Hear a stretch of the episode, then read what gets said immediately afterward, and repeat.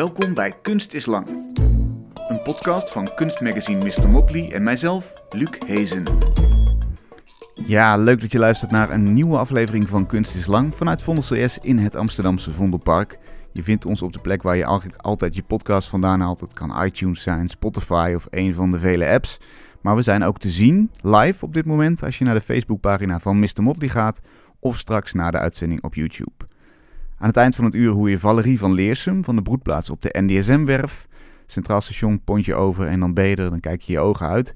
Dat straks aan het eind van het uur. Maar eerst Laurien Weijers. Ze is kunstenaar en schrijver, maar voelt zich ook beeldhouwer. In letterlijke zin, ze maakte ooit veel metalen sculpturen, maar ook in figuurlijke zin. Een gesprek, een uitwisseling van ideeën kan namelijk ook worden opgevat als een mentaal en sociaal sculptuur. Laurien begaf zich eind vorige eeuw onder een internationaal publiek dat nadacht over kunst en creativiteit, een herziening van de economie, duurzaamheid, veel onderwerpen die nu ook weer actueel zijn. Een belangrijk mentaal sculptuur was bijvoorbeeld de conferentie die ze in 1990 organiseerde in het Stedelijk Museum met de naam Art Meets Science and Spirituality in the Changing Economy. En daar waren onder andere Marina Abramovic, Lawrence Wiener, Robert Rauschenberg, John Cage en de Dalai Lama die inzichten uitwisselden in het Stedelijk Museum dus allemaal. En dat was omdat zij hen had uitgenodigd, dus dat had zij voor elkaar gekregen. En dan was er nog Joseph Beuys, met wie ze bijna 20 jaar optrok. Om zijn ideeën onder de aandacht te blijven brengen, deed ze in 2018 het project 100 Days Boys. Verschillende sprekers die hem gekend hadden kwamen naar haar gaststudio in het Friese Verwert om over hem en over zijn werk te praten. Laurien, welkom. Dankjewel. Leuk dat je er bent. We kennen natuurlijk allemaal die sculpturen van, van hout, van, van gips, noem het maar op, elk mogelijk materiaal. Maar jij hebt het over een sociaal sculptuur. Wat, wat versta je onder een sociaal sculptuur?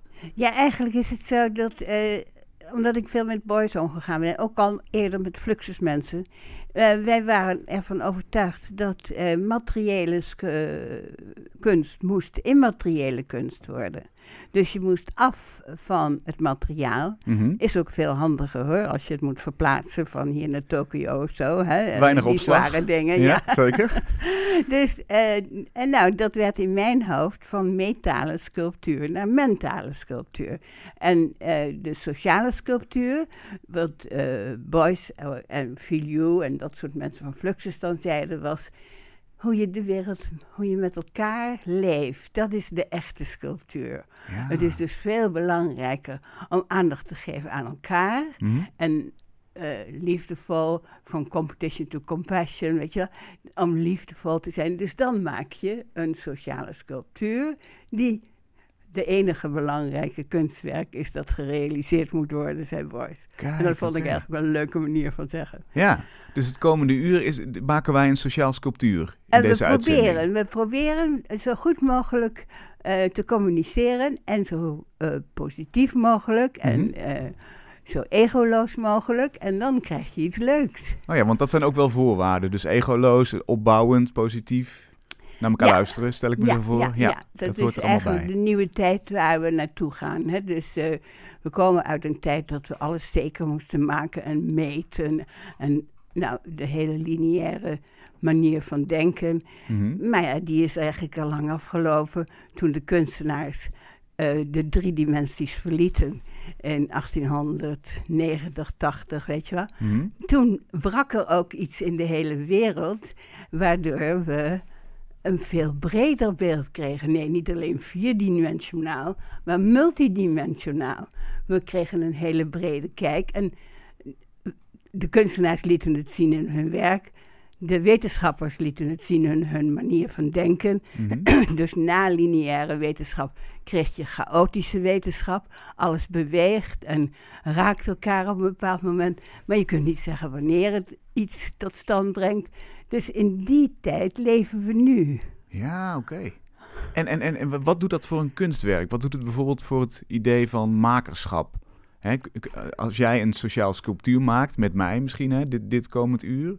staat er dan ergens nog een handtekening onder? Of... Nou, dat was sowieso al niet meer gewenst, hè, die handtekening. Die ging al naar de achterkant. Ja. dus eh, we het is heel erg waar dat je eigenlijk, zoals Boyce het zei, toen ik hem samen moest brengen met de Dalai Lama, toen zei Fujiu, oh nee, zeg, je moet hem eerst eventjes met een paar mensen in het Tibetaans boeddhisme eh, leren kennen, want dat hij, de Dalai Lama begrijpt waar je het over hebt. Toen kwam Boyce binnen, ik had iets georganiseerd op verzoek van Fujiu bij, bij uh, Sokyal Rinpoche. En toen Boyce binnenkwam en ging zitten, zei hij, ja, eigenlijk is het zo dat art equals tantra. Dus art is hetzelfde als tantra. Mm. Waarop Sogyal Rinpoche zei, dat is helemaal waar. Hoe komt Boris aan zo'n opmerking? Dat vond ik zo knap. Mm. Maar wat is nou de grap van tantra? Bij tantra ga je jezelf, als het ware, oplossen. Je bestaat niet meer Mm. en dan ga je pas je beoefening doen. In kunst is het precies hetzelfde. Je moet eigenlijk eerst oplossen. Je moet niet meer ik zijn. En dan ben je leuk. Dan komt er iets interessants. Ja, Dus je moet ben af van het ego, zeg jij inderdaad. Ja, je kunt het ego noemen. Maar in feite is het heel eenvoudig. Ons lichaam is opgebouwd uit verschillende bewustzijnsvormen. En dan op een bepaald moment, als je hier bent, dus het begint onder en het gaat naar boven Mhm. en het gaat uiteindelijk hier naartoe. eh, en dan is er geen verschil meer tussen eh, zwart en wit. Het is non-dualiteit hier. En een kunstenaar moet altijd boven die non-dualiteit zijn. Anders kan hij niet iets maken wat aantrekkelijk is en wat het heeft over morgen. Maar dan, dan moet een kunstenaar dus eerst met zichzelf aan de slag, Ja, zou je kunnen zeggen. En, en Ja. niet zo'n klein beetje ook niet, want, Ja. want hè, je moet je hele lijf door en eh, spiritueel groeien. ja. En pas dan kun je interessant werk maken. Nou ja, dat kun je sowieso. Hè? Ieder mens heeft, ja, ik noem dat tegenwoordig, is mijn werk Saint Society. Maar ieder mens kan heel makkelijk van boven naar onderen gaan. Alleen wij denken nog dat je een handtekening moet zetten Ja, ergens van ik. Maar ja, dat kun je er best afzetten, dat mag ook wel. Maar ja. het, dat werk maken, dat heeft niet met die handtekening te maken. Het werk maken heeft te maken met afstand doen van. Anders komt er niet iets wat de toekomst of de weg waar we naartoe gaan in zich heeft. Oké, we, we komen zo gaan zo nog even dieper op boys in, maar in- inderdaad dat werk maken. Je zegt afstand nemen en dan eh, leid ons eens door dat werkproces. Wat gebeurt er dan? Nou, je geen zorgen maken. Eh, zelfs Rauschenberg heeft het mij al geleerd eh, in 1968. Van maak je nou, als je denkt dat je iets kunt, dan moet je al niet beginnen. Dus je moet helemaal laten komen. Je moet jezelf laten komen. Oké, En eh, daaruit moet vanzelf iets gemaakt worden. Dus het heeft ook geen, niets met geld te maken. We denken dat kunst, dat je daar geld mee zou kunnen maken. Maar in feite, degene die eh, de markteconomie heeft bedacht, Adam eh, Smith, eh 1700, Hm. heeft gezegd: we kunnen wel een markteconomie maken, maar de kunstenaars, die kun je niet in die markteconomie passen, want die horen daar niet. Die horen betaald te worden door de overheid, wat we gelukkig in Nederland doen, hè, met het Mondriaan Fonds. Een deel althans. Misschien eh, nog, Ja, nog lang eh, niet we- genoeg, maar Het zou meer kunnen, het ja. zou meer kunnen. Kleine kanttekening inderdaad. Oké, dus, dus die hoeven niet te functioneren binnen dat kapitalistische systeem. niet, nee. Dat, dat is niet goed. Dat gaat helemaal fout. Dat zie je misschien ook wel nu, hè, een beetje gebeuren.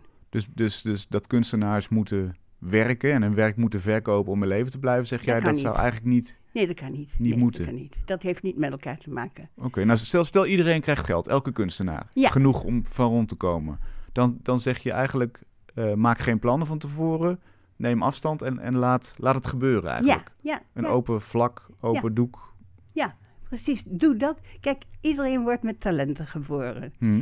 Eh, die talenten moeten naar buiten komen. Daar moeten we kansen voor bieden.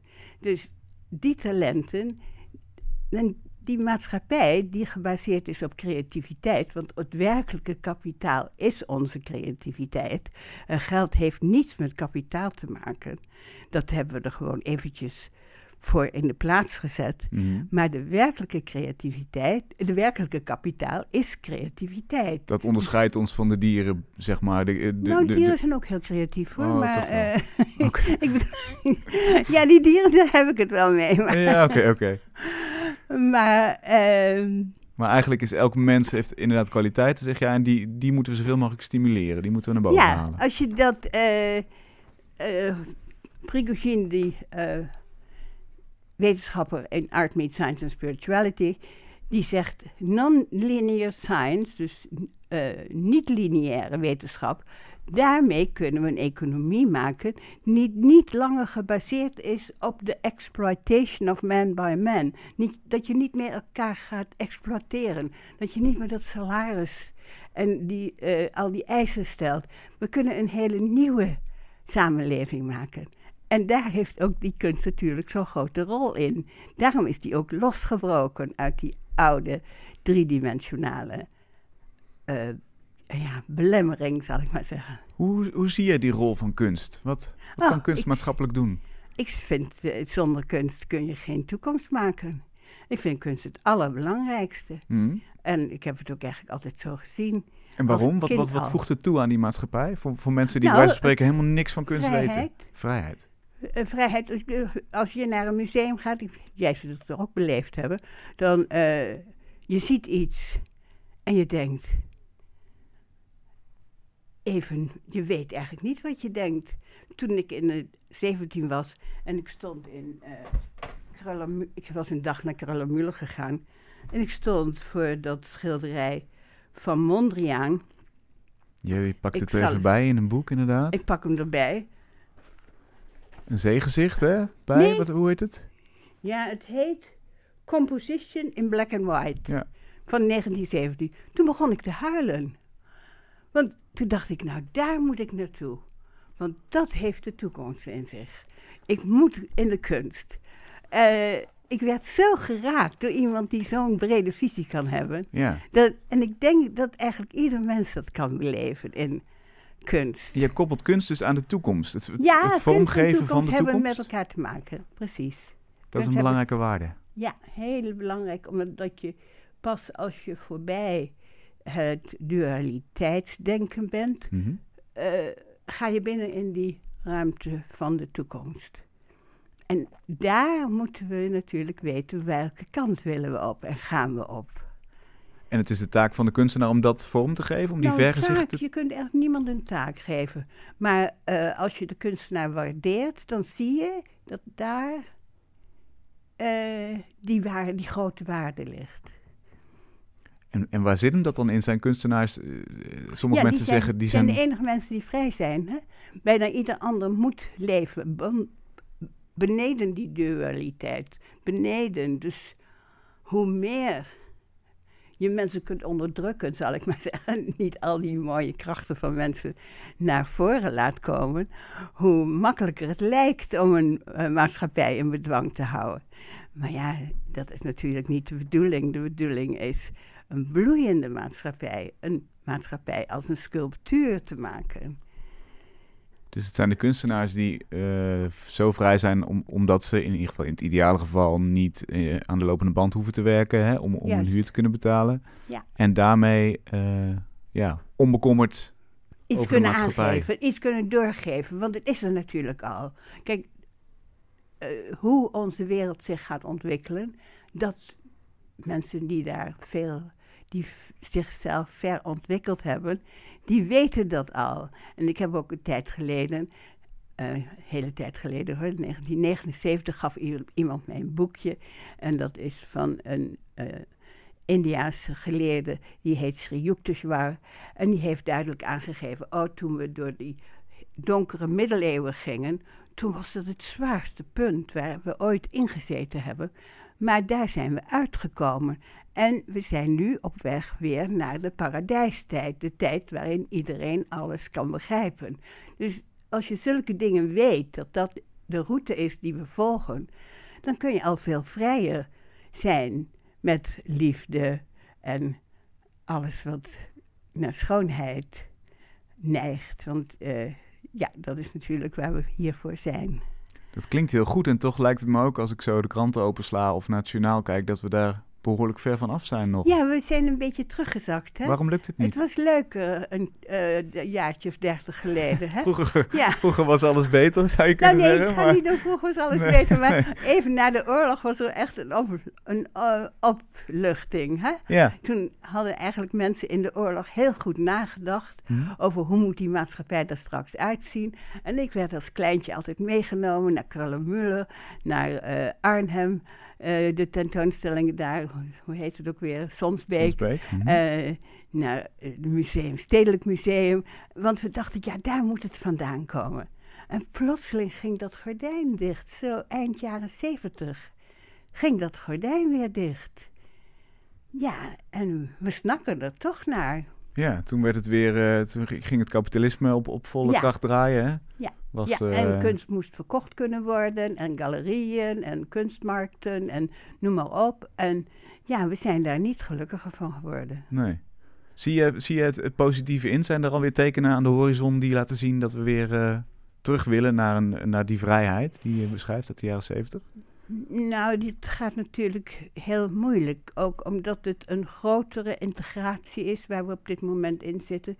Want uh, de Global Village brengt alle mensen samen. Hmm. En je kunt eigenlijk bijna niet meer zeggen dat iemand niet je buurman is. Hè? Ook al komt hij uit China of uit uh, Zuid-Amerika. We gaan heel amicaal met elkaar om. En, ook, en dat, dat proces van eenwording in de cultuur, dat neemt een heleboel tijd. En daar, vind ik, moeten we ook tijd voor vrijmaken. Als we maar niet de kunst gaan inperken en Hm. zeggen van, en met dat geld vooral. Want kunst heeft geen marktwaarde. Je kunt zeggen, een, uh, ja, wat ook. Oh, dat glas. Oeh. Geeft niet. Maakt dat niet glas, daar kun je een marktwaarde aan geven. Zeg Ja. maar 5 euro. Ja. En maar ehm, aan kunst kun je geen marktwaarde geven. Het is heel veel waard of heel weinig waard. Het heeft geen marktwaarde. Nee, nee, nee, nee, precies. Dus daar zit hem de. Het is een waarde zoals, zoals democratie een waarde zou kunnen zijn. Het is een abstracte waarde Oh, eigenlijk. Ja, maar de democratie, dat is precies waar we heel hard aan moeten werken. Hè? Dat is juist wel waar eh, die beperkingen vandaan komen. Precies, maar het is die categorie die, eh, die, die, die is ook niet in geld uit te drukken. De Jawel, maar die is wel uit te drukken in menselijke stemmen. Hè? Dus als we een directe democratie zouden maken, in plaats van een democratie met volksvertegenwoordigers, dan zouden we natuurlijk al veel dichterbij zijn. Laten we eens eh, naar, naar Boys gaan. Want eh, die, die naam viel al een paar keer. En de mensen die Boys misschien alleen van naam kennen en minder van inhoud. Kun je kort samenvatten wat, wat jou betreft het belangrijkste is wat Boys heeft gezegd? Ja, wat één keer eerder werd mij gevraagd, dat was in Japan. Kun je in één woord zeggen wat boys betekent? Hmm. Toen zeg, of waar het werk van boys over gaat. Toen heb ik gezegd, het gaat over liefde. Dus dat is bij boys nou eenmaal zo. Hè? Het gaat natuurlijk om, als je boys tegenkomt, legt hij meteen je, zijn arm om je schouder. En je bent ook meteen, dat in die tijd was kunst ook heel erg samen. En Je bent ook meteen eh, onbevooroordeeld en je gaat samen voor een doel. Hmm. Dus kunst, uh, Boyce zegt, eh, modern art is at its end, now art can start. Moderne kunst is voorbij, mhm. nu kunnen we beginnen met kunst maken. En welke kunst was er toen voorbij in, nou, in deze de modern art is de hele beweging van moderne kunst. Het hoefde niet meer iets uit te beelden, het mocht ook vaag zijn. Weet je nog wel, die jaren tussen 1890 tot eh, 19... 50 of misschien 45. Mhm. Toen. Dus abstract expressionisme bijvoorbeeld? Ja, precies. Dat, is een nieuwe stroming, hè? Dat is het, het nieuwe. Dat, dat waren allemaal moderne kunst. Maar hij zag meer. Dus hij zag die sociale sculptuur. Dat is natuurlijk eigenlijk boys. hè, die sociale sculptuur. Oh ja. En creativiteit is het werkelijke kapitaal, dat is ook boys. En uh, jeder mens een kunstler, iedereen is kunstenaar. Dat is ook Beuys. Beuys zegt dus van... Geef het nou in de handen van iedereen. En zegt niet hij is een kunstenaar en hij is geen kunstenaar. Dus Beuys is iemand... Hij komt uit Friesland, hè? Hij is dus oorspronkelijk een Nederlander. Ja, een dat moet, je, Fries dat, in Nederland. dat moet je even uitleggen, inderdaad. Ja, dus eh, op een bepaald moment in Friesland, 1850 ongeveer, neem ik aan, want we weten het nog steeds niet helemaal zeker, Mhm. eh, was er zo weinig geld in Friesland dat mensen wegtrokken. En boys, voorouders, gingen naar Groesbeek. En in Groesbeek was een treintje dat ging ieder uur naar Duitsland. Dus uiteindelijk is Boys in Duitsland geboren, maar met een flinke hoeveelheid Fries, Fries DNA. Fries bloed. Fries bloed, ja. Dus zijn, zijn ouders kwamen eigenlijk uit, eh, uit Friesland, echt uit Ja, Nederland. en ja. eh, daar is natuurlijk een eh, Duitse mevrouw bijgekomen. En, en wat had je voor relatie met hem? Hoe zou je dat omschrijven? Was het een, vriend? Was het een, een Nou ja, het was eigenlijk een beetje een leraar. Hè? Dus ik heb nooit met boys iets gehad van een flirtation of zoiets. Dat zou ik helemaal niet kunnen. Want het was, het ging, was volledig op respect gebaseerd. Ja. Het was, eh, hij respecteerde mij, ik weet niet waarom. Misschien omdat ik uit de Achterhoek kom en hij geboren was in Kreeveld. En dat is op zichzelf vrij dicht, Dicht bij elkaar. elkaar, ja. Je kunt bijna dezelfde taal spreken. Ja. En, eh, maar ook omdat hij zag dat ik eigenlijk datzelfde wilde. En daar heeft hij me heel erg in gestimuleerd. Wanneer Dus- kwam je hem voor het eerst tegen? in 68. Ik was dus op, het, eh, op de tentoonstelling eh, Documenten 68 Mhm. in Kassel. Mhm. En eh, ik was toen in het voorjaar al naar New York gegaan. Vanwege dat daar de nieuwe dingen gebeurden, zogenaamd. Dus ik zat in het vliegtuig naar New York in januari 68. En ik zag, ben in vrijwel iedere belangrijke atelier van kunstenaars geweest. En toen ik in Kassel kwam, toen zaten al die mensen toevallig in Kassel. Toen dacht ik, ja, maar die heb ik allemaal al gezien. Tot ik een ruimte binnen ging die me helemaal aan het bibberen bracht. En dat was Boys. Dus ik niet één keer naar binnen, maar volgende dag weer, volgende dag weer. Wat was het te het zien in die ruimte? Me. Ja, wat? Wat, wat, wat ervaarde je in die ruimte? Wat was het te zien? Ja, wat ik ervaarde was de oorlog. Dus eh, ik kon heel duidelijk herkennen dat hij de oorlog had beleefd. Maar die had ik ook beleefd. En dat is heel moeilijk om dat te delen met mensen. Maar die vibratie, of die, ja, dat vergankelijke, zal ik maar zeggen, die vergankelijkheid. Ja, toevallig, ik laat de Dalai Lama een boek zien van Boys, omdat Filiu gezegd had dat ik dat moest laten zien aan eh, de Dalai Lama. En hij zei, oh, halverwege het boek sloeg hij het dicht. Zei, ik zie wat deze man maakt. Dat gaat over vergankelijkheid. Nou, en dat vond, zag, ervaarde ik in die tentoonstelling Weet ook. je nog wat het, wat het, wat het was? Ja, er eruit? eh, sta- ijzeren staven tegen de muur. Maar als Boy zijn eigen staven tegen de muur zet, dan zet hij die niet... Ik zet een staaf tegen de muur. Nee, hij houdt die staaf vast en laat hem vallen. Wat je in de oorlog hebt, als, als je huis gebombardeerd is, dan zie je opeens dat alles in rust is. Al die enorme grote spanten van het dak enzovoort, dat hangt. Bij ons huis is gebombardeerd, dus ik heb het zelf kunnen zien.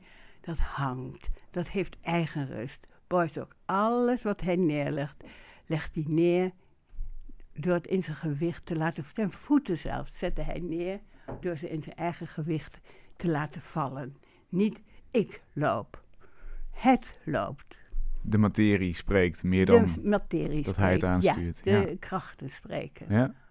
Wat, eh, hoe, hoe oud was je toen in 68 en wat had je voor leven? Was je, was je student nog of was je net klaar? Of? In 68 was ik 27.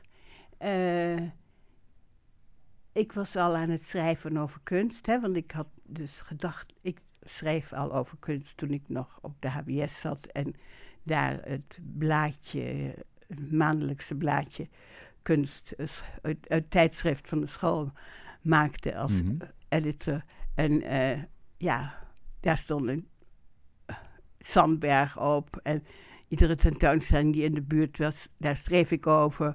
Dus ik was al heel snel met kunst bezig. Ja. En ehm, nou... En dat wilde ik gaan doen. mhm. En per ongeluk kwam ik toen in, een, eh, in Parijs. eh, daar zou ik een tijd gaan wonen. kwam ik een, een plek tegen waarvan ik dacht, oh, daar wil ik wonen. Nou, daar kwam ik dan na een paar dagen ook echt terecht. En het bleek het hotel te zijn waar alle Fluxuskunstenaars zaten. En toen ik daar mocht meepraten met hun, toen begreep ik, dit heb ik gezocht. Ik wilde niet naar een kunstacademie, want ik dacht dat indoctrinatie zou zijn. Ik dacht, oh, dit heb ik gezocht. En omschrijft die sfeer is vrijheid, denk ik? Ja, uh, praten met elkaar, uh, verstandhouding opbouwen met elkaar. Waar gaat het over? Het leven. Wat is leven? Wat is het verschil tussen leven en kunst? Er is eigenlijk geen verschil. Leven moet kunst zijn, kunst moet leven zijn.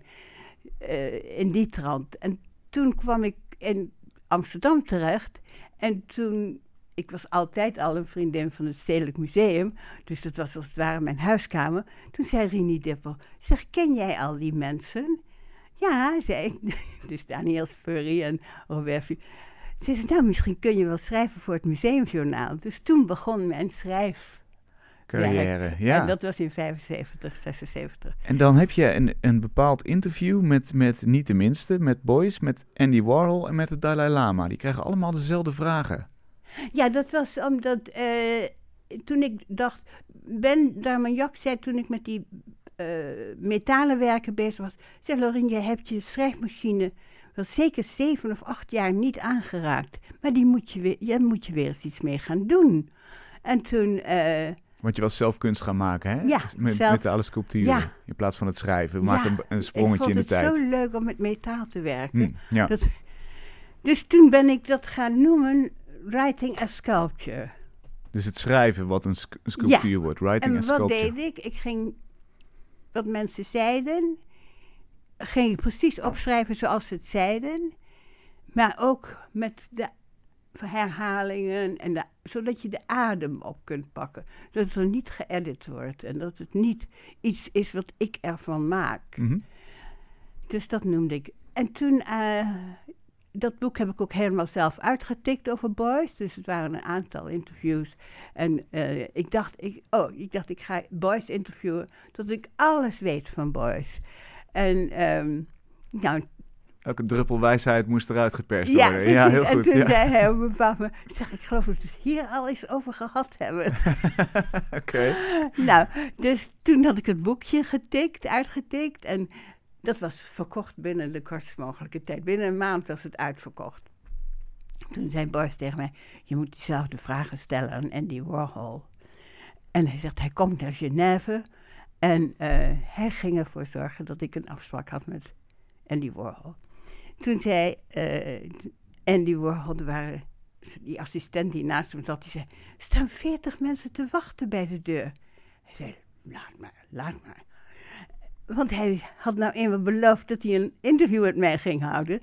Dus hij heeft het langste interview dat hij ooit in zijn leven gegeven heeft. Heb ik toen in Genève gekregen. Wow. En aan het eind van het interview zei hij: Je moet die vraag aan de Dalai Lama stellen. De Dalai Lama had hij net in zijn blad interview gehad. En ja, zomaar. Ik schreef een briefje naar de Dalai Lama. Mag ik de vragen die ik gesteld heb aan Boys en Warhol aan u stellen. Meteen kwam er een briefje terug. Come. En wat, wat waren dit voor vragen? Gewoon vragen over hoe, wat is onze toekomst? Hoe, hoe gaan we. Ja, eigenlijk alle vragen over hoe je een maatschappij leuk kunt maken. En, uh, dus je vroeg een toekomstvisie van ze. Hoe, moet, Ja. hoe, hoe, gaan we voorwaarts ja, eigenlijk? hoe gaan we vooruit? Wat is onze weg vooruit? En waren er verschillen in antwoorden tussen bijvoorbeeld Boys en Warhol? Ja, de Boys en Warhol Hoe? zijn een groot. Nou, Warhol die zegt: Kijk, als je nou uit het, he, uit het heelal, of hoe zal ik dat zeggen, uit de ruimte naar beneden kijkt, dan kun je toch niet je buurman, als hij het zelf niet kan, niet helpen met het vegen van zijn stoep. Dus hij keek steeds van heel ver en dan zag je, dan kun je toch niet liefdevol zijn, niet liefdevol zijn. Daar heb je geen tijd voor of zo. Nee, je moet dan- denken. Je ziet dat het. Zoals Rauschenberg het zegt, we zijn met z'n allen op deze ene bol. En hier moeten we het doen, want er is geen andere aardbol. Mm. Dus dat had Warhol ook. Maar Beuys, die zag een nieuwe maatschappij. Die zag, dat moet je zo en zo doen. Heel sociaal, Ja, eigenlijk. heel sociaal. Dus, dus het superego van buiten de wereld was, was Warhol. En Boyce zei, we moeten het hier... Ja, wij Tussen kunnen twee het. mensen we kunnen, onderling en we doen. dat zo en zo. En toen kwam ik bij de Dalai Lama en toen holde ik de berg af waar zijn eh, huis op staat. En schreef, eh Dear boy, een onzichtkaart. Dear Joseph, you have a brother here in the Himalayas. He thinks exactly the way about the problems of today as you do. Want die antwoorden waren precies hetzelfde. Weet, je- weet je nog, wat staat je het meest bij van de antwoorden van de Dalai Lama? En ja, let's just simply be a good-hearted person. Nou ja, daar kwam het op neer. Dat is de Dalai Lama. Ja, daar komt het bij hem op neer. Ja. En als jij nou zegt, eh, kunst staat gelijk aan leven en leven aan werk. Hè? Dat, dat hoorde ik je net zeggen Ja. in de, in de, in de fluxussfeer. Hoe omschrijf je dan het kunstwerk wat daaruit voortkomt? Is dat inderdaad dat, dat sociale sculptuur, het samenleven wat we Dat met z'n is allen wat doen? jij en ik nu maken. Hè? Dat zei je net al aan het begin. Ja. Dus dat is het kunstwerk. Eh, maak het niet los. Ga het niet eh, verheerlijken naar een plek waar het niet wilde zijn. Werk er gewoon iedere dag aan. ja. En eh, eigenlijk heb je dat op een bepaalde manier ook gedaan met die conferentie, hè, die panelgesprekken in 1990 in het Stedelijk Museum.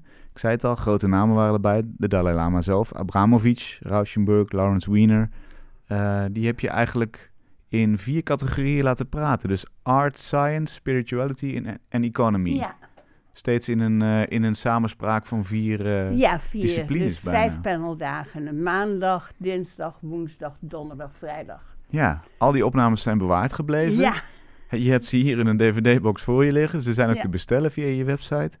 Ehm, wat, wat, wat is de rode draad, als die er al is, van, van die panelgesprekken? Nou ja, daar is precies hetzelfde wat ik ne- net heb uitgelegd. Dat wat, waar we naartoe gaan, dat is een open gebied waar je gewoon liefdevol kunt zijn, waar je waar eigenlijk helemaal niet zoveel regels zijn als we onszelf nu opleggen. Maar waar je from competition to compassion hè, eh, kwam er eigenlijk uit. Laten we die competitie achter ons laten. Laten we compassion, eh, samen, compassion voelen, samen voelen. Laten we samen voelen, samen gaan. Laten we niet meer dat ook die discussie, discussie wordt dialoog, eh, competitie wordt compassie. Eh, het zijn hele kleine dingen, maar ze zijn voor het grijpen. Alleen je moet er een nieuwe economie aan maken. Je moet een economie maken waar ieder mens een basisinkomen heeft. En dan over de hele wereld. Want eigenlijk, je kunt geld natuurlijk niet in een bank zetten. Geld is van alle mensen. Dus het moet langs alle mensen stromen. Mhm. En het moet iedereen voeden. En dan komt het vanzelf weer terug in een soort mensengeldbank. En dan gaat het weer stromen naar de anderen. Dus je moet daar een economisch systeem van maken, waardoor je een maatschappij kunt onderbouwen die ook een directe democratie heeft, waarin iedereen kan zeggen wat hij over een bepaald onderwerp wil zeggen. Ja. Eh, zodat je een heel ander, niet meer dat wat Prigozhin zegt, dat de een de ander onderdrukt. ja, ten Daar koste van iemand anders rijk willen worden, zeg jij, dat en moet dat je niet hele doen. salarisslaven Ja. gedoe. En het klinkt een beetje als een soort van liberale vorm van communisme. Kun je dat nou zeggen? ja, communisme is natuurlijk wel eigenlijk precies het woord. Ja. Alleen het is vervormd. Hè? Het heeft natuurlijk maar heel kort kunnen bestaan in zijn eigen vorm. Dus eh, toen ik bij de Dalai Lama kwam, omdat hij een. eh, omdat ik, ik had twee economen bij me, een Amerikaanse en een Russische. En ik liet het zo zien aan de Dalai Lama. Toen zei hij, ik zei, wie zou u, met wie zou u het liefst in dat panel zitten? The Russian one. I'm a socialist at heart, zei de Dalai Lama. Dus dat is het natuurlijk. Dus die eh, compassie, Mhm. dat was wel de bedoeling van het communisme. En je mag dat woord eraan verbinden. Maar het is niet de bedoeling om aan het oude communisme te denken. Ja, Want dat is tegelijk vervormd en dat weten we. ja. ja precies. Dat, dat, dat, dat heeft verkeerd uitgepakt eigenlijk. Ja, we moeten een nieuw eh, woord voor, voor vinden. En toch, we, zit- we zitten er best ver vanaf nu. Misschien, Eventjes. ja. Oh, je ziet, oké. Ja, ik denk eh, dat we ja, misschien een moeilijke periode tegemoet gaan. Mhm. Daar moeten we ook niet bang voor zijn. Want eigenlijk is het zo dat als je hier doorheen komt, dan eh, is het beter dat je er sterk doorheen komt, dan dat je er verzwakt doorheen komt. Dus de mensen, nou ik zal maar zeggen het coronavirus, de mensen die overlijden, vreselijk dat ze overlijden. Mhm. Maar als ik niet overlijd, moet ik wel zorgen dat ik heel goed door zo'n zware tijd heen kom. Net zoals je in de oorlog hebt. Je moet er goed doorheen komen. Eerlijk mens blijven. Oprecht. En iedereen naast je waarderen en respecteren. Hmm. Wat, ehm, wat zijn de belangrijkste stappen die we nu zouden moeten zetten? En eh, zeker vanuit de kunst om, om tot een betere maatschappij te komen. Ja, dat eh, Even een kleine vraag tussendoor. Iets makkelijks wat we kunnen oplossen. eh, beter eh, financiële ondersteuning krijgen. Ja. Dus wat eh, toen Adam Smith al gezegd heeft, kunst moet door de overheid ondersteund worden. Dan kun je natuurlijk ook kunst niet misbruiken om een basisinkomen te krijgen. Hmm. Maar daarom moet je eigenlijk ook iedereen een basisinkomen geven. En je moet eigenlijk ook kunst niet loshalen uit het geheel. Want eh, ieder mens is een kunstenaar. Hè? Dat, zo zie ik het wel. Jij hebt enorme talenten. Ik heb talenten. eh, We moeten het van elkaar waarderen en horen of zien. Hmm. Dus eh, de kunst, ja, ik zou zeggen, dat is er eigenlijk al niet eens meer, de kunst. Nee, want, want ook eh, een kunstenaar moet zijn huur betalen natuurlijk. Ja, dat is heel ernstig hoor. En, en, en er is ook een misschien wel onderwaardering vanuit het publiek. Want eh, ja, de, de gemiddelde persoon in de Kalverstraat is niet zo bezig met hedendaagse kunst, vrees ik. Ja, maar dat is omdat we in, je schrijft het al in eh, Mr. Motley, er wordt zo weinig aan kunst gedaan. Dus we moeten eigenlijk zeggen van, ja, waarom wordt er zo weinig aan kunst gedaan? Dat Op is- scholen of zo? op- Of is dat wat je nou, op scholen, maar ook in de media. Hm? In de media, ja, het is maar een heel klein wereldje in de media die eh, ons willen overrolen. Eh, komt daar wel eens kunst in voor? Ja, je hebt een programma dat heeft geloof ik eh, iets met kunst. We hebben toevallig miljoenen luisteraars natuurlijk, maar de, Ja. de, de, de, de, op televisie is het minder. Ja. ja. Dus media, onderwijs zou meer Ja. moeten. Onderwijs is sowieso al iets wat heel erg eh, veranderd zou moeten worden. Omdat we grote waardering moeten hebben voor de talenten die ieder kind met zich meebrengt. Zelfs als ze net geboren zijn, kan ik al zeggen wat hun kwaliteiten zijn. Terwijl wij denken, het is eh, normaal doorsnee denken, het is iemand die niks weet en die moet ik alles leren. En kom, ik geef hem eens een tik of zo. Ja, dat kan eigenlijk niet. Hè? Je moet eigenlijk ook voor kinderen een Mhm. heel nieuw eh, systeem. Toen we nog Keltisch waren in de Achterhoek, dat weet jij misschien ook nog wel. Een dat was wel voor mijn tijd, geleden. ik, kom, ik kom ook uit de Achterhoek inderdaad, maar niet Keltisch opgevoed. Wat was de tijdsgeest Eh, De? Kelten hadden het idee dat je kinderen niet moet leren. Hm? Je moet kinderen, pas als kinderen gaan vragen om iets te leren. Dan moet je ze leren. En dan moet je ze ook niet zeggen, het moet zo en zo. Nee, thuis zeg je nooit hoe het moet. Eh, je gaat ze nooit, eh, laat ik maar zeggen, eh, slaan of hard opvoeden. Hm. Je, je denkt, wat zou dit kind nou, van wie zou dit kind nou het meeste kunnen leren? Nou, en dan ga je dat kind naar die persoon sturen. Of het nou een man of een vrouw is. Ik heb het bij mijn eigen moeder gezien. Zij kreeg nog op die manier meisjes die een jaar bij ons kwamen wonen. Om dan van haar te kunnen leren. En ehm, dat is eigenlijk de ouderwetse Keltische manier van opvoeden. Dat Ah, je ja. ouders denken van, nou daar zou zij of hij wat kunnen leren. Dus die scholen, dat, die scholen bestaan pas sinds 1800, hè. Dat is nog niet zo erg lang, hè.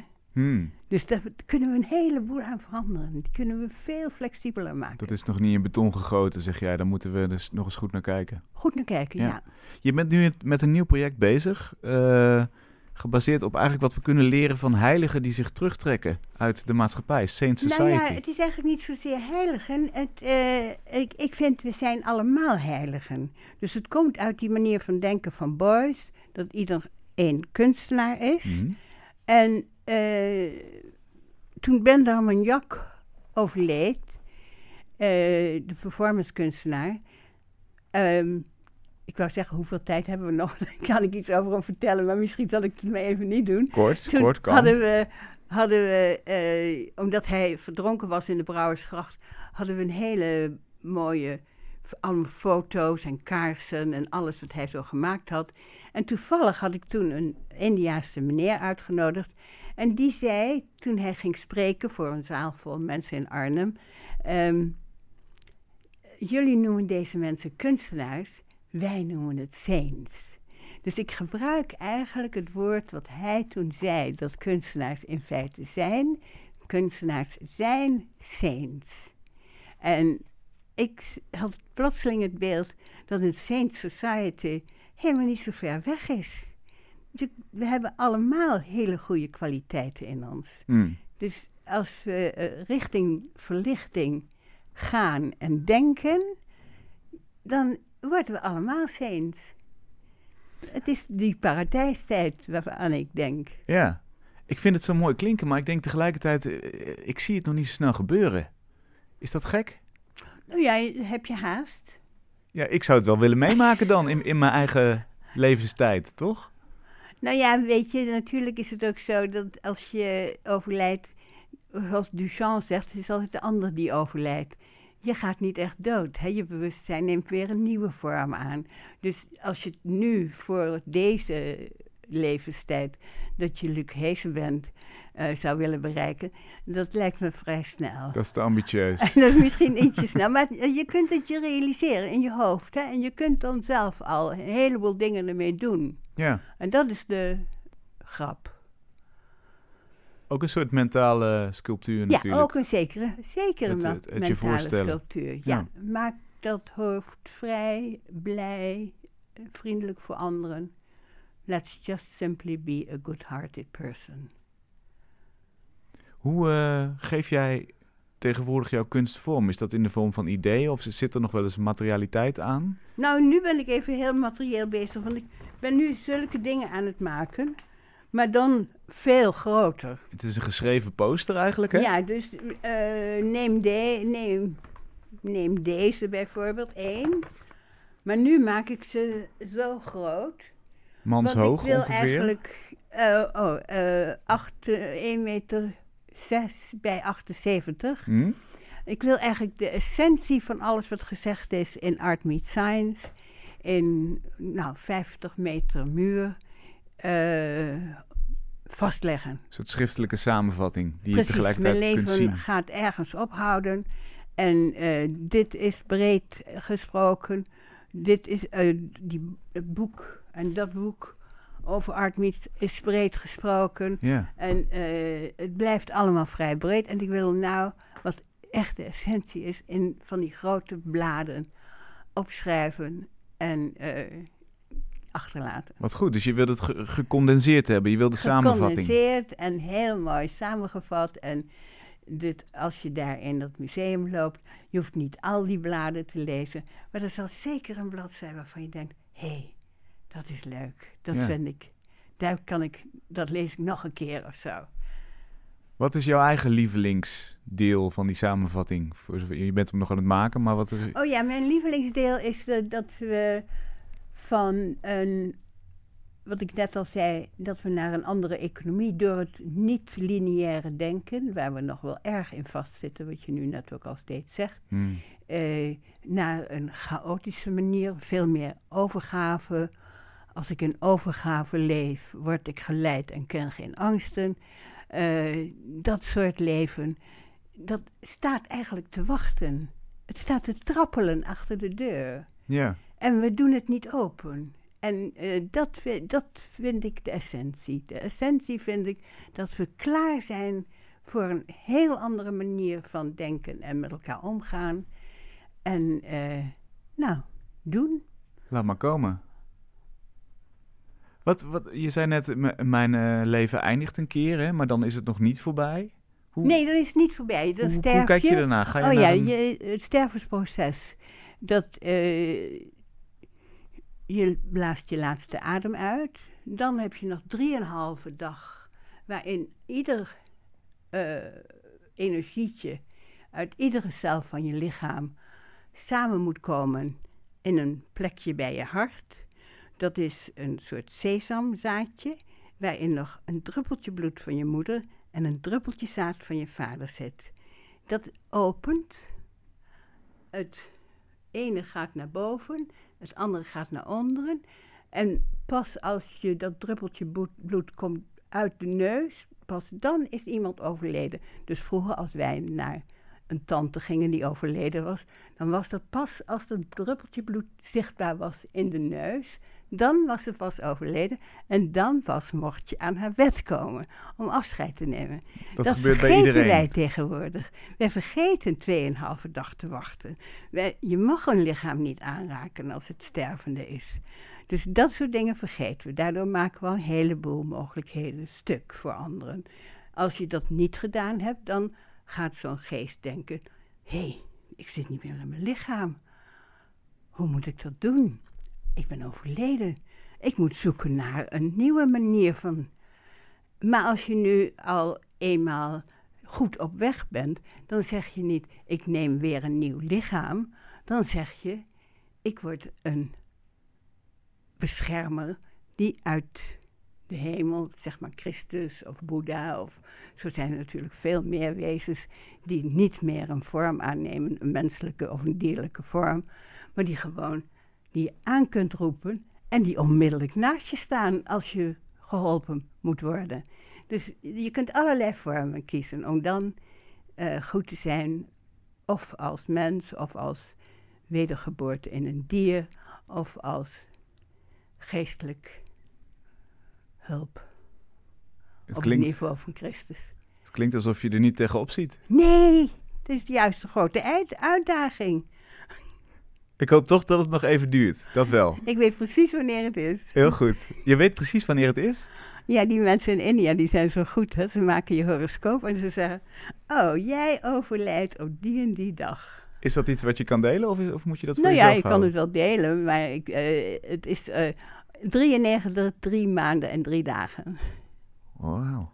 Gek, hè? Dat is heel gek. Ben je dan een soort van aan het aftellen op een rare manier? Nee, op een rare manier misschien wel, ja. Want uh, je denkt niet aan je overlijden, want het is natuurlijk eigenlijk een vreugde om te overlijden. Want dan heb je een heleboel niet meer, een heleboel lasten minder. Hmm. En je kunt weer een nieuwe weg kiezen. Dus eigenlijk is het iets leuks. Het is heel wonderlijk ook. Hoe, hoe, hoeveel jaar ben je nog bij ons? Uh, ik ben nu 79, dus uh, 14 uh, jaar en nog wat. Gelukkig. Dankjewel. Fijn dat je er was, Larien. Leuk, dankjewel. Wij gaan door met een van de vele broedplaatsen in Amsterdam waar interessante dingen gebeuren.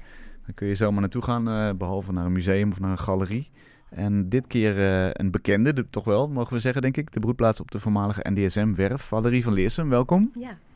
Fijn dat je wilde aanschuiven. Ja. Wat, wat is NDSM voor type broedplaats? Wauw, het is een omschakeling. Ja, ja, ja, ja, ja bij de Wereld Door zouden ze zeggen, ja, Ja. dit, is, dit is ook het programma. We maken Ja. weer, ja, precies. Uh, het is een sprong. broedplaats op een voormalige scheepswerf. Mhm. Ehm, even een kleine soort korte geschiedenis. Tot de jaren tachtig is dat in gebruik geweest om schepen te maken en te repareren. Gefuseerd uit allerlei oude eh, andere, andere broedplaatsen, wou ik zeggen. Andere scheepswerven in Amsterdam. Mhm. En nadat het leeg kwam te staan, is het in gebruik genomen door kunstenaars en vrije denkers. eh, die uiteindelijk een plan hebben gemaakt om in, eh, in de grote scheepsbouwloods, om daar een eh, kunststad te bouwen. En dat is gebaseerd op het gedachtegoed van Nieuw Babylon, van Constant Nieuwenhuis. Een soort grid gemaakt waarin, uh, dus een soort ja, stratenplan. En Mhm. in dat grid, daar kon iedereen zijn eigen atelier bouwen. En dus we hebben de, de hellingen waar nog kunstenaars zitten en binnen in de scheepsbouwloods. Ik denk bij elkaar zijn we wel bijna met 250 man. En het is een heel bont eh, gezelschap, maar ook een hele bonte omgeving. Dus als je in die, in die loods komt, zie je dat iedereen op zijn eigen manier vorm heeft gegeven aan zijn werkplek. Ja, want, want wie, wie, wie komen we tegen? Wat zitten er voor mensen? Heel divers. Toevallig zit ik zit in een van die teams die meedenkt over als er een plekje vrijkomt, hoe, wie daarin terechtkomt. We hebben proberen dat palet zo breed mogelijk te maken, van parfummaker tot ehm, meubelmaker, fluitmaker, eh, van alles. Eh, dus het zijn ambachtslieden, kunstenaars, theatermakers, maar ook ehm, kleine of, of grotere eh, culturele stichtingen. Hm. Zodat we eigenlijk ook met z'n allen elkaar kunnen helpen, idealiter. Ja. Ja. En wat is de rol van het publiek? Kunnen wij zo binnenstappen in dat Nieuw Babylon? Ehm, ja. Ja, zeker. Tot zeven uur, dan gaan de grote blauwe deuren dicht. Oké. En er, daar, daar wordt nog wel eens over, ehm, over gesproken hoe, hoe we daar vorm aan geven. Want het is best een grote trekpleister ook voor toeristen. Die Mm. soms ook zo de deur openmaken van een atelier om te kijken wat erachter zit. En die nieuwsgierigheid begrijp ik ook. Soms staan de deuren een beetje open en heeft iemand er tijd voor en soms ook niet. Ja. Dus dat zoeken we naar balans. Maar je kan zeker...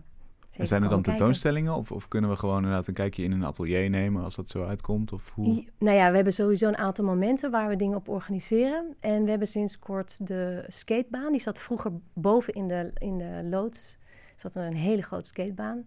Eh, die zijn eruit. En sinds kort hebben we die eh, ruimte tot ons genomen om daar een expositieruimte te maken. Dat is erg groot. Dus de eerste gedeelte van die ruimte is altijd een tentoonstelling met kunstenaars die in de werf werken. En het achterste gedeelte is een verschillende eh, ja, het zijn allebei wisselende tentoonstellingen, maar in die achterste gedeelte zijn vaak mensen van buitenaf die we uitnodigen of die zelf met een initiatief komen om daar iets te doen. Ja. Wat leuk. En zit je er zelf ook? Ja. Wat maak je? Wat doe je? Ehm, ik maak beelden, installaties, die vaak gaan over de relatie tussen mens en landschap, de waarde van een plek. En het zijn een beetje aansluitend ook op, net, op het gesprek net. Het zijn vaak, ik gebruik ze als middel om tot gesprek te komen. Dus ik probeer wel in- analytisch naar een, een eh, zowel analytisch, maar ook zintuigelijk eh, te reageren op een plek en daarmee een sculptuur te maken of een installatie. Mhm. Soms ook met ex- experts of andere, andere makers. Nou is inderdaad die, die NSM-werf natuurlijk ook een soort bijzondere plek. Hè? Waar, Ja. waar toerisme, zoals je net al zei, een beetje tegenaan begint te klotsen. Ja, Eh, Ja. hoe, hoe, hoe, hoe denk jij daarover? Wat is de functie van die broedplaats versus dat oprukkende centrum? Ja, nou ja, ik zou het liefst. Ik, ik maak wel altijd een groot gebaar voor de, voor de plek die niet ontworpen is in de stad. Want daar kan de chaos ontstaan. En die wordt steeds spaarser in, onze, in die ruimte, in die stadse ruimte. Hm. Kijk, en ik, ja, die, die NSM, je, je hebt nog dat, dat oude, die oude cultuur van die werf die er doorheen blijft ademen. Dus op zich is het nog mooi, maar die transitie is ontzettend gaande. Ja. Ja, zeker. Zit er een einddatum aan deze broedplaats eigenlijk? Is het een tijdelijke plek? Ehm, de, het gedeelte wat in die loods zit, die heeft, we kunnen nu nog 40 jaar daar blijven. Dus dat is voor een broedplaats ontzettend lang. Ja. Ehm, en de loadouts, dat zijn eigenlijk de, de open plekken, die zijn nu be- beschermd. Ehm, de omgeving daaromheen, die wordt steeds smaller en nauwer. En er wordt ook wel geleerd. Ik bedoel, een van de hellingen is gerenoveerd op een hele, ja, wat mij betreft een beetje niet werkende manier. zeg maar, de, de, de geschiedenis er helemaal vanaf gepoetst en eh, strak. En je ziet de andere, andere helling, daar zitten de kunstenaars nog in... die met een, een, een wasleiding en een, en een knijper het water van het dak gebruiken... om hun kwasten te spoelen. En je ziet dat daar eigenlijk gaat alle verbeeldingskracht aan... van mensen die ook langskomen. Dus daar wordt ook wel van geleerd. En ja, hoop naar gekeken. Ja, en hopelijk de- ten goede dus ook inderdaad dat de, de rafelranden daar eh, in Ja. stand blijven. Ja, ja. Wat is het Dat- eerstvolgende evenement waar we als, als argeloze bezoeker naartoe zouden kunnen? Op de NISM? Ja. Dat vind ik best wel lastig, want er is heel veel. Ik, heb, ik moest het zelf ook even opzoeken, maar in de Fuse hebben we natuurlijk twee dingen. Eh, tot maart is daar bureau Brexit. Eh, en vanaf 1 maart... Wat is dat, bureau Brexit? het is, dus het voorste gedeelte is weer een NDSM-expositie. en het achterste gedeelte is een, oh, dat moet, vraag je me wat, het is een initiatief ehm, waarin verschillende kunstenaars worden uitgenodigd om te reageren op het uh, Europese verhaal, mm eigenlijk. En daarna, maar dan weet ik eigenlijk ook niet zo goed wat het is, dat is uh, Smash the Narratives. Dat is een, in ieder geval een open call geweest. En daar komt ook een tentoonstelling voor. Maar ja, buiten heb je Sexyland. Uh, er zijn natuurlijk heel veel dingen aan de hand. Ja. Um, ja, dus er gebeurt. En ik zou vooral ook gewoon, zolang het nog kan, die ruimte nemen en te gaan wandelen. En uh, ook de punt, de punt aan het ei. Het is het breedste stuk van het ei daar. Dus het licht is daar ontzettend bijzonder. Dus zolang dat er nog niet is ingesneeuwd in allerlei hoogbouwen, zou ik daar. Uh, zou ik die vooral meepakken. Ja. Goed, kom ja. er nog, uh, nog opzoeken. Ja, Dankjewel. Zeker, Succes zeker. daar bij, uh, bij KNSM. Ja. ja. tot zover Kunst is Lang van deze week. Volgende week zijn we er natuurlijk gewoon weer. En dan uh, zit Jasper Griepink hier tegenover me. En ik stel me zo voor dat er dan ook wel een aantal thema's terugkomen... die we vandaag ook hebben besproken met Laurien. Fijn als je weer luistert. En uh, heel graag tot volgende week.